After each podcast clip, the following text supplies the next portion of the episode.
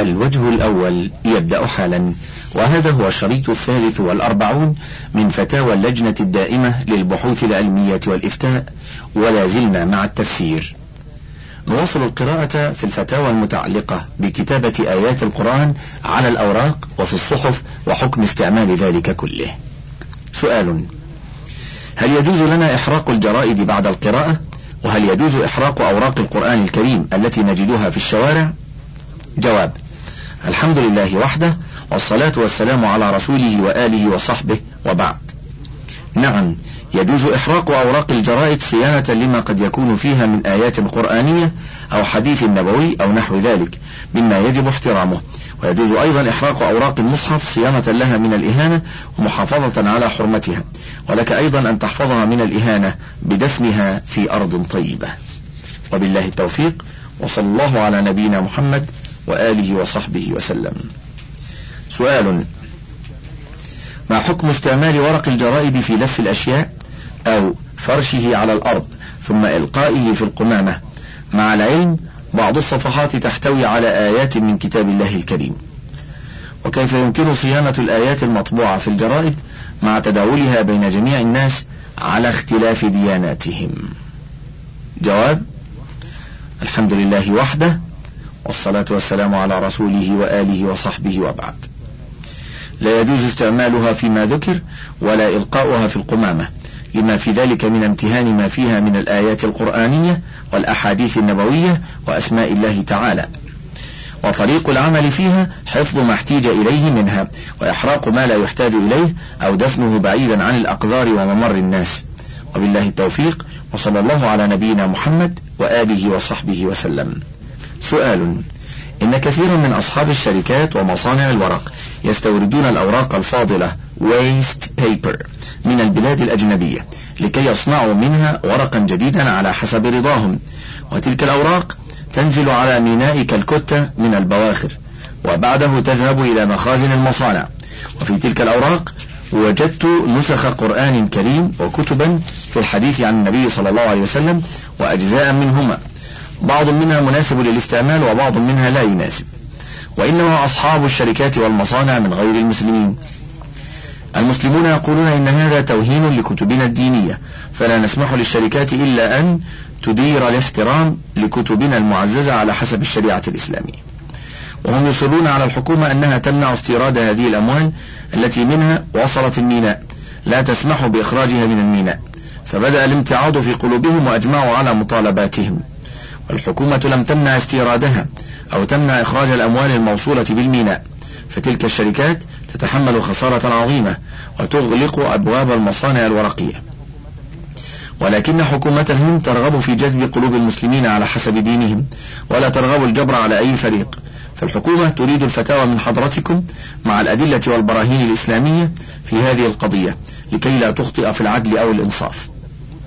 فمن فضلكم تكتبون الجواب المشروح في القضية المذكورة مع الأدلة والبراهين من كتب الدين الإسلامي مع أرقام الصفحات للاستدلال لكي نكشفها على المسلمين وعلمائهم. ما هو مصرف هذه الأوراق والكتب المعززة؟ هل يجوز للمسلمين أن يضعوها في الماكينة بالمصنع مع كمال الاحترام؟ والماكينة تغير هيئتها بالأدوية وتصير مثل القطن وبعده تصنع منها أوراق جديدة؟ لو تدفن في القبر أو قعر الأرض فيبقى الخطر. إن الأطفال يأخذونها من القبور ويبيعونها في السوق مرة ثانية. ولو نضعوها في البحيرة أو في البحر فيبقى الخطر المذكور أيضا. والنظير لكليهما موجود عند الشرطة. فساعدونا في هذه القضية بجوابكم المفصل تحت القوانين الإسلامية لكي نقدمه إلى أصحاب العدل بحكومتنا. وجزاكم الله خيرا جزيلا في الدارين. جواب الحمد لله وحده والصلاة والسلام على رسوله وآله وصحبه وبعد. أولا يجب صيانة الأوراق المكتوب بها القرآن العظيم لأنه كلام رب العالمين فيحرم امتهانها أو تعريضها للإهانة ثانيا لا يجوز تمكين غير المسلمين من مس الكتاب الكريم القرآن.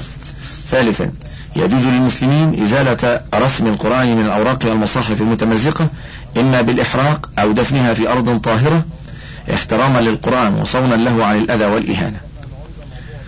وسبق أن عرض موضوع استعمال الأوراق التي فيها شيء من القرآن على مجلس هيئة كبار العلماء في دورته السادسة والعشرين. وصدر منه قرار بالإجماع يمنع ما ذكره السائل. وهذا نص ما قال مجيبا لمعالي وزير الحج والأوقاف في المملكة العربية السعودية. واحد. ما عملتم به بشأن الأوراق التجريبية من طحنها ثم حرقها ثم دفنها في مكان طاهر عمل جيد وموافق لما ذكره أهل العلم اقتداء بالخليفة الراشد عثمان بن عفان رضي الله عنه. اثنان. يرى المجلس عدم الموافقة على طلب مصنع الغدير لما يترتب على ذلك من الإهانة والابتذال لما في الأوراق من كلام الله عز وجل. رابعا. أما كتب الحديث الشريف والأجزاء التي فيها شيء من كلام الله أو كلام الرسول صلى الله عليه وسلم فالواجب أيضا صيانتها وعدم إهانتها وذلك بإحراقها أو دفنها بأرض طيبة بعيدة عن متناول الصبيان. وبالله التوفيق وصلى الله على نبينا محمد وآله وصحبه وسلم. استعمال ألفاظ القرآن فيما يعتاده الناس من أفعال. سؤال ما حكم تأول القرآن عندما يعرض لأحد منا شيء من أمور الدين؟ كقول أحدنا عندما يحصل عليه شدة أو ضيق تؤزهم أزا. سورة مريم. أو عندما يلاقي صاحبه جئت على قدر يا موسى. أو عندما يحضر طعام كلوا واشربوا هنيئا بما أسلفتم في الأيام الخالية. إلى آخر ما هنالك مما يستعمله بعض الناس اليوم. جواب الحمد لله وحده والصلاة والسلام على رسوله وآله وصحبه وبعد.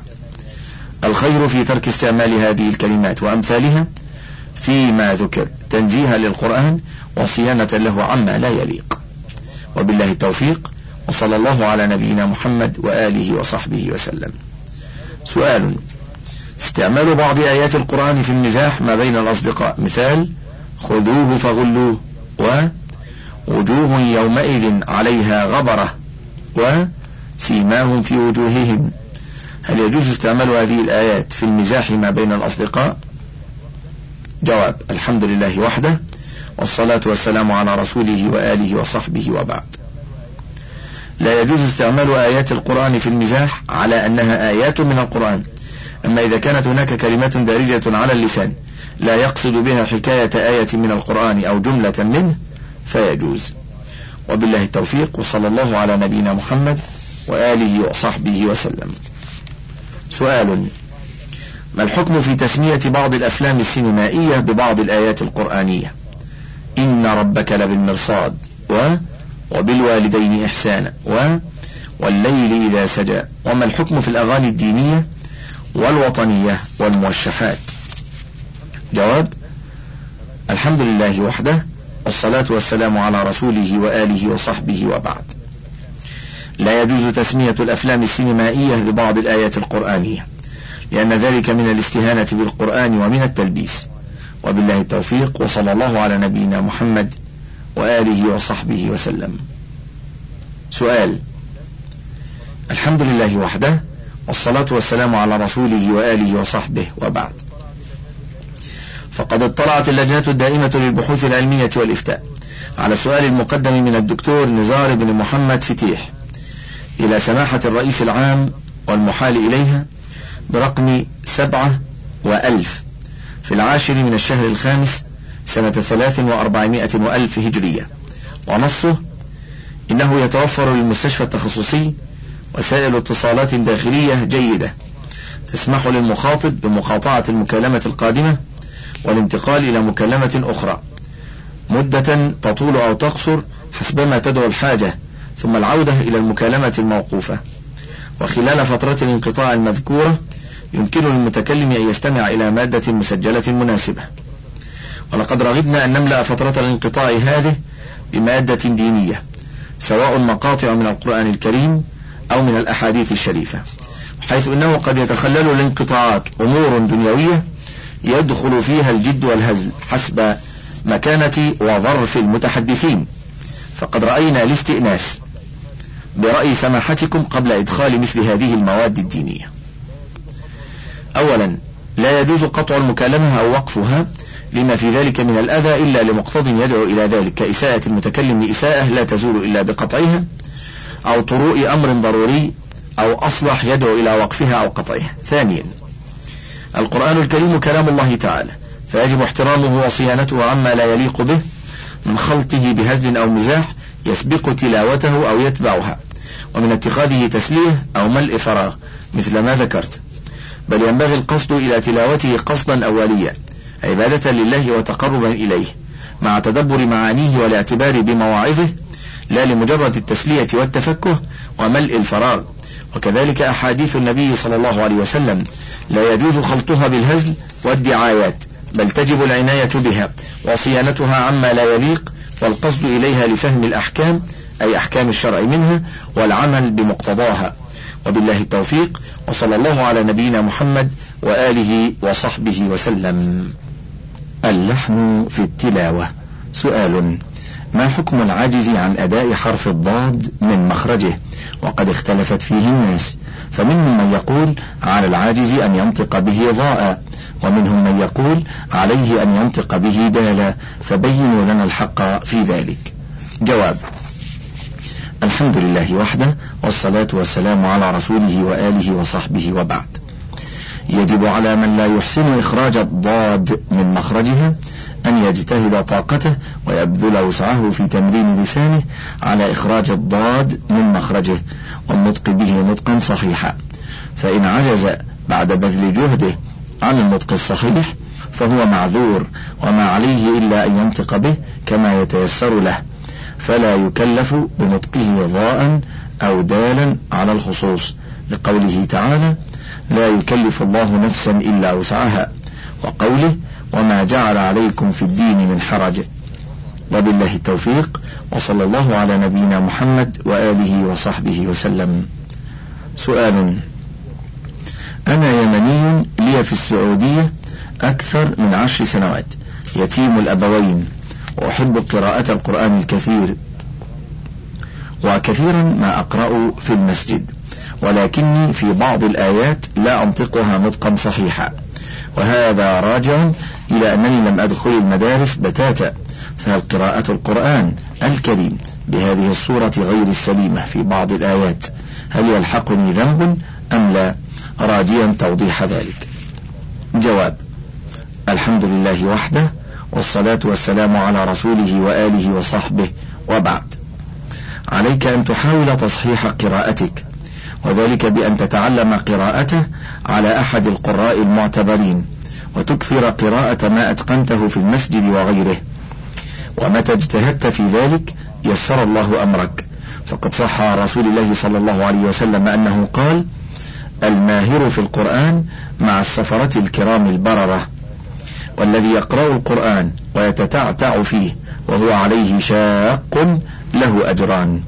وبالله التوفيق وصلى الله على نبينا محمد وآله وصحبه وسلم.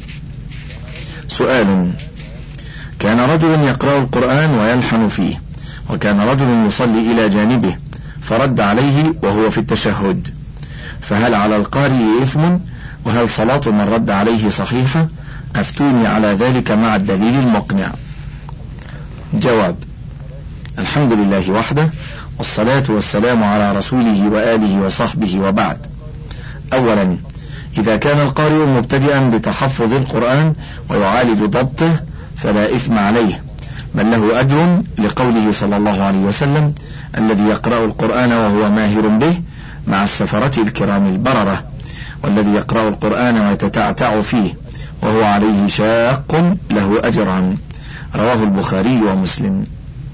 ثانيا المصلي الذي رد على القارئ غير إمامه وصحح له خطأ مخطئ معذور في رده عليه لجهله.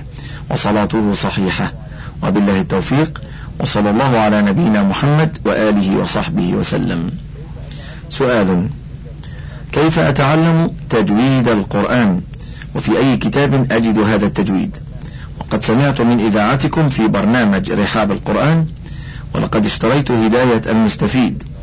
وما فهمت معناه لأنه ليس واضحا.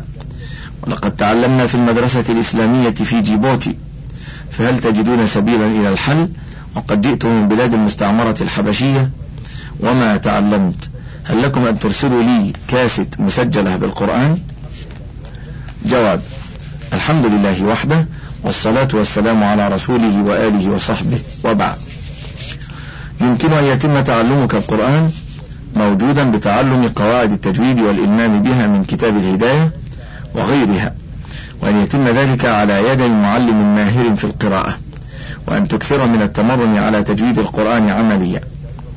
ويمكنك أن تستعين في ذلك أيضا بالاستماع إلى برنامج إذاعة القرآن من الإذاعة السعودية. وبالله التوفيق وصلى الله على نبينا محمد وآله وصحبه وسلم. حفظ القرآن. سؤال. أقرأ القرآن ولا أستطيع حفظه. هل لي أجر على هذا؟ جواب. الحمد لله وحده والصلاة والسلام على رسوله وآله وصحبه وبعد. الذي يقرأ القرآن ويتدبره ويعمل به يثاب عليه وإن لم يحفظه.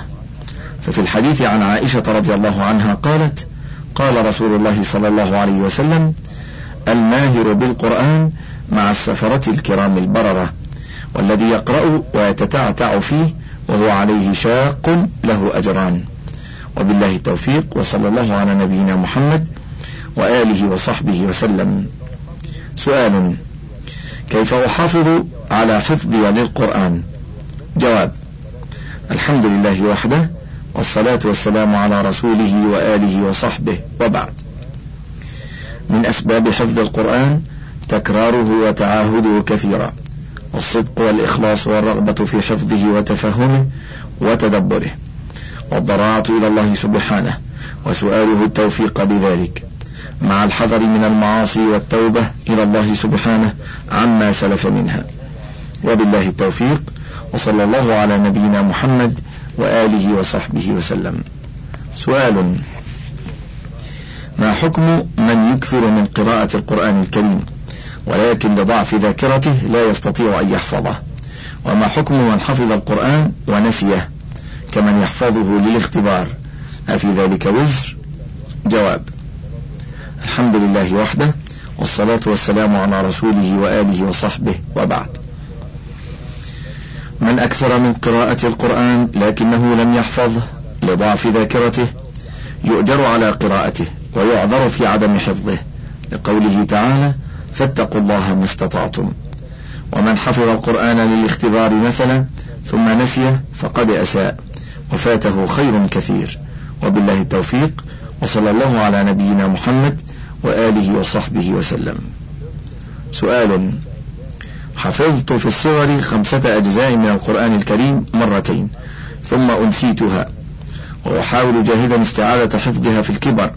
رغم كثرة القراءة في المصحف ولكني عجزت وأخشى الله تعالى لقوله في سورة طه في الآية السادسة والعشرين والمئة قال كذلك أتتك آياتنا فنسيتها وكذلك اليوم تنسى. السؤال هل المقصود آيات القرآن الكريم أم آيات الله في الكون؟ الحمد لله وحده والصلاة والسلام على رسوله وآله وصحبه وبعد. المقصود بالنسيان ترك العمل بها. وبالله التوفيق. وصلى الله على نبينا محمد وآله وصحبه وسلم. نسيان القرآن. سؤال. رجل حفظ من القرآن خمسة أجزاء ثم لكثرة أعماله وأشغاله لم يراجع ما حفظ لفترة طالت جدا حتى نسي ما حفظ. فما حكمه؟ هل يأثم على ذلك؟ وهل هناك أحاديث تهدد وتتواعد أمثاله؟ جواب الحمد لله وحده والصلاة والسلام على رسوله وآله وصحبه وبعد. ينبغي نصحه وترغيبه لعله يرجع له تعلم القرآن كله وتلاوته وتدبره والعمل به. وينبغي أيضا تحذيره من سوء عاقبة انشغاله بالدنيا عن أمور دينه. أما الحديث الذي فيه الوعيد لمن حفظ القرآن ثم نسيه فهو حديث ضعيف. وبالله التوفيق وصلى الله على نبينا محمد وآله وصحبه وسلم. سؤال ما حكم من استظهر كتاب الله عن ظهر قلب ثم نسيه؟ هل يعاقب أو لا؟ جواب الحمد لله وحده والصلاة والسلام على رسوله وآله وصحبه وبعد. القرآن كلام الله تعالى وهو أفضل الكلام ومجمع الأحكام وتلاوته عبادة تلين بها القلوب وتخشع النفوس إلى غير ذلك من منافعه التي لا تحصى من أجل ذلك أمر النبي صلى الله عليه وسلم بتعاهده حتى لا ينسى فقال صلى الله عليه وسلم تعاهدوا القرآن فوالذي نفسي بيده لهو أشد تفلتا من الإبل في عقلها. فلا يليق بالحافظ له أن يغفل عن تلاوته ولا أن يفرط في تعاهده بل ينبغي أن يتخذ لنفسه منه وردا يوميا يساعده على ضبطه ويحول دون نسيانه رجاء الأجر والاستفادة من أحكامه عقيدة وعملا. ولكن من حفظ شيئا من القرآن ثم نسيه عن شغل أو غفلة ليس بآثم. وما ورد من الوعيد في نسيان ما قد حفظ لم يصح عن النبي صلى الله عليه وسلم. وبالله التوفيق وصلى الله على نبينا محمد وآله وصحبه وسلم. سؤال إنني شاب عمري الآن ثلاثة وعشرون عاما وعندما كنت في سن الثانية عشرة التحقت بمدرسة تحفيظ القرآن الكريم فحفظت القرآن الكريم كله. والآن نسيت ما حفظت منه إلا القليل ولم أحفظ إلا أجزاء معدودة حوالي أربعة أجزاء فهل علي إثم بذلك؟ وحاولت حفظه الآن لكن أجد صعوبة في ذلك. فماذا أفعل؟ هل أعود لحفظه مرة ثانية؟ وهل علي إثم فيما نسيت منه أي من حفظه؟ جواب الحمد لله وحده والصلاة والسلام على رسوله وآله وصحبه وبعد. ننصحك بالعودة إلى حفظه مرة ثانية والمداومة على قراءته وتعاهده والعمل به. ونرجو الله لنا ولك العون والتوفيق. ولا إثم عليك في ذلك إن شاء الله. لأن الأحاديث الواردة في وعيد من نسي شيئا منه كلها ضعيفة. وبالله التوفيق. وصلى الله على نبينا محمد وآله وصحبه وسلم. هجر القرآن. ما حكم قراءة القرآن؟ أهي واجبة أم مستحبة؟ لحيث سئلنا عن حكمه فمنهم من قال ليس بواجب إن قرئ فلا بأس وإن لم يقرأ فلا شيء عليه. فإذا كان كذلك فقد يهجره الكثير فما حكم هجره وما حكم تلاوته؟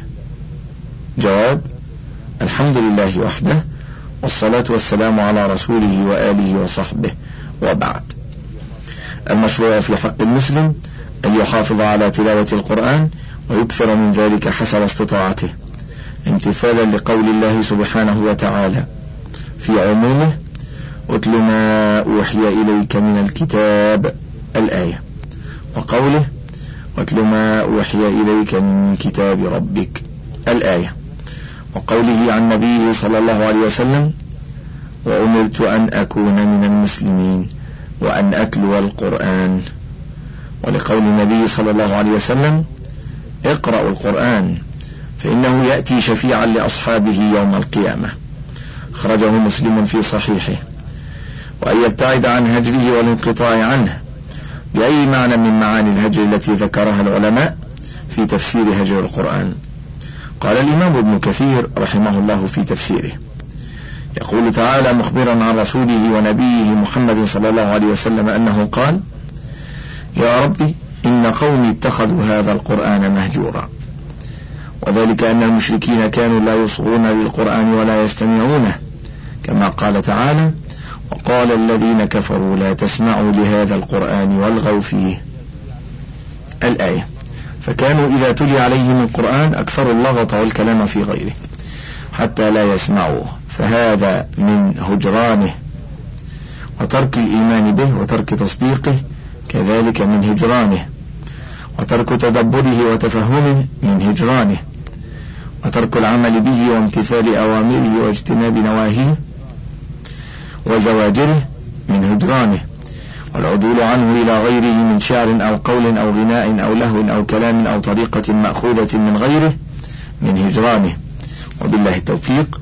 وصلى الله على نبينا محمد وآله وصحبه وسلم. سؤال. أثناء السير بالسيارة أو الجلوس بالمنزل كثيرا ما نسمع آيات القرآن الكريم تتلى ولكن يكون الإنسان في حاجة إلى استماع شيء آخر مثل الأخبار أو قراءة الجريدة نظرا لعدم توفر الوقت للسماع للذكر وفعل مثل هذه الأشياء بالترتيب. فهل إقفال الراديو أو غيره لغرض استماع الأخبار أو قراءة الصحف يعتبر إعراضا عن ذكر الله وما هو الحل في مثل ذلك. جواب. الحمد لله وحده والصلاة والسلام على رسوله وآله وصحبه وبعد. لا حرج من سماع الأخبار وقراءة الصحف بدلا من فتح الإذاعة على القرآن لأن كل شيء له وقته ولا يتضمن ذلك الإعراض عن القرآن ولا هجرة إذا كان للمؤمن أوقات أخرى يقرأ فيها القرآن أو يستمع فيها إذاعة القرآن. وبالله التوفيق. وصلى الله على نبينا محمد وآله وصحبه وسلم. سؤال. رجل درس القرآن إلا أنه يمضي عليه الحول لم يقرأ القرآن. فما حكم الشرع في هجره للقرآن؟ جواب. الحمد لله وحده والصلاة والسلام على رسوله وآله وصحبه وبعد. لا ينبغي ذلك. وعلى من حوله من أهل العلم نصحه وبيان فضيلة تلاوته وتدبره والاتعاظ به عسى أن يتعظ ويقبل على تلاوته. وبالله التوفيق وصلى الله على نبينا محمد وآله وصحبه وسلم. سؤال قراءة القرآن واجبة أم مستحبة؟ وما حكم هجره؟ هل هو حرام أم مكروه؟ جواب الحمد لله وحده والصلاة والسلام على رسوله وآله وصحبه وبعد. أولا أنزل الله القرآن للإيمان به وتعلمه وتلاوته وتدبره والعمل به وتحكيمه والتحاكم إليه والاستشفاء به من أمراض القلوب وأدرانها إلى غير ذلك من الحكم التي أرادها الله من إنزاله. والإنسان قد يهجر القرآن فلا يؤمن به ولا يسمعه ولا يصغي إليه وقد يؤمن به ولكن لا يتعلمه. وقد يتعلمه ولكن لا يتلوه. وقد يتلوه ولكن لا يتدبره. وقد يحصل التدبر ولكن لا يعمل به. فلا يحل حلاله ولا يحرم حرامه ولا يحكمه ولا يتحاكم إليه ولا يستشفي به مما فيه من أمراض في قلبه وبدنه. فيحصل الهجر للقرآن من الشخص بقدر ما يحصل منه من الإعراض كما سبق. فعلى العبد أن يتقي الله في نفسه. وأن يحرص على الانتفاع بالقرآن في شتى وجوه الانتفاع ويفوته من الخير بقدر ما يتصف به من الهجر. أما التلاوة فمشروعة ويستحب الإكثار منها وأن يختم كل شهر لكن لا يجب ذلك. وبالله التوفيق. وصلى الله على نبينا محمد وآله وصحبه وسلم. قراءة ومس المصحف ممن به حدث أكبر أو أصغر. سؤال. جرت بيننا مناقشة البارحة حول جواز قراءة القرآن غيبا أو من كتاب يحوي بعض الآيات القرآنية. لو كان الشخص غير طاهر مع أن الله سبحانه يقول لا يمسه إلا المطهرون فما الحكم في ذلك؟ جواب الحمد لله وحده والصلاة والسلام على من لا نبي بعده وبعد. إن من أراد مس المصحف من المسلمين فعليه أن يتطهر من الحدث الأصغر والأكبر. والحدث الأصغر ما أوجب وضوءا والحدث الأكبر ما أوجب غسلا لعموم قوله تعالى لا يمسه إلا المطهرون ولما جاء في كتاب عمرو بن حزم أن لا يمس القرآن إلا طاهر. وأما قراءته غيبة فيجوز ممن ليس عليه حدث أكبر. فالجنب مثلا لا يقرأ القرآن لا غيبا ولا نظرا. وبالله التوفيق وصلى الله على نبينا محمد وآله وصحبه وسلم. حاشية. قال ابن كثير رحمه الله في تفسيره لآية لا يمسه إلا المطهرون قال آخرون لا يمسه إلا المطهرون أي من الجنابة والحدث قالوا ولفظ الآية خبر ومعناها الطلب قالوا والمراد بالقرآن ها هنا المصحف كما روى مسلم عن ابن عمر أن رسول الله صلى الله عليه وسلم نهى أن يسافر بالقرآن إلى أرض العدو مخافة أن يناله العدو. واحتجوا في ذلك بما رواه الإمام مالك في موطئه عن عبد الله بن أبي بكر بن محمد بن عمرو بن حزم أن في الكتاب الذي كتبه رسول الله صلى الله عليه وسلم لعمرو بن حزم ألا يمس القرآن إلا طاهر.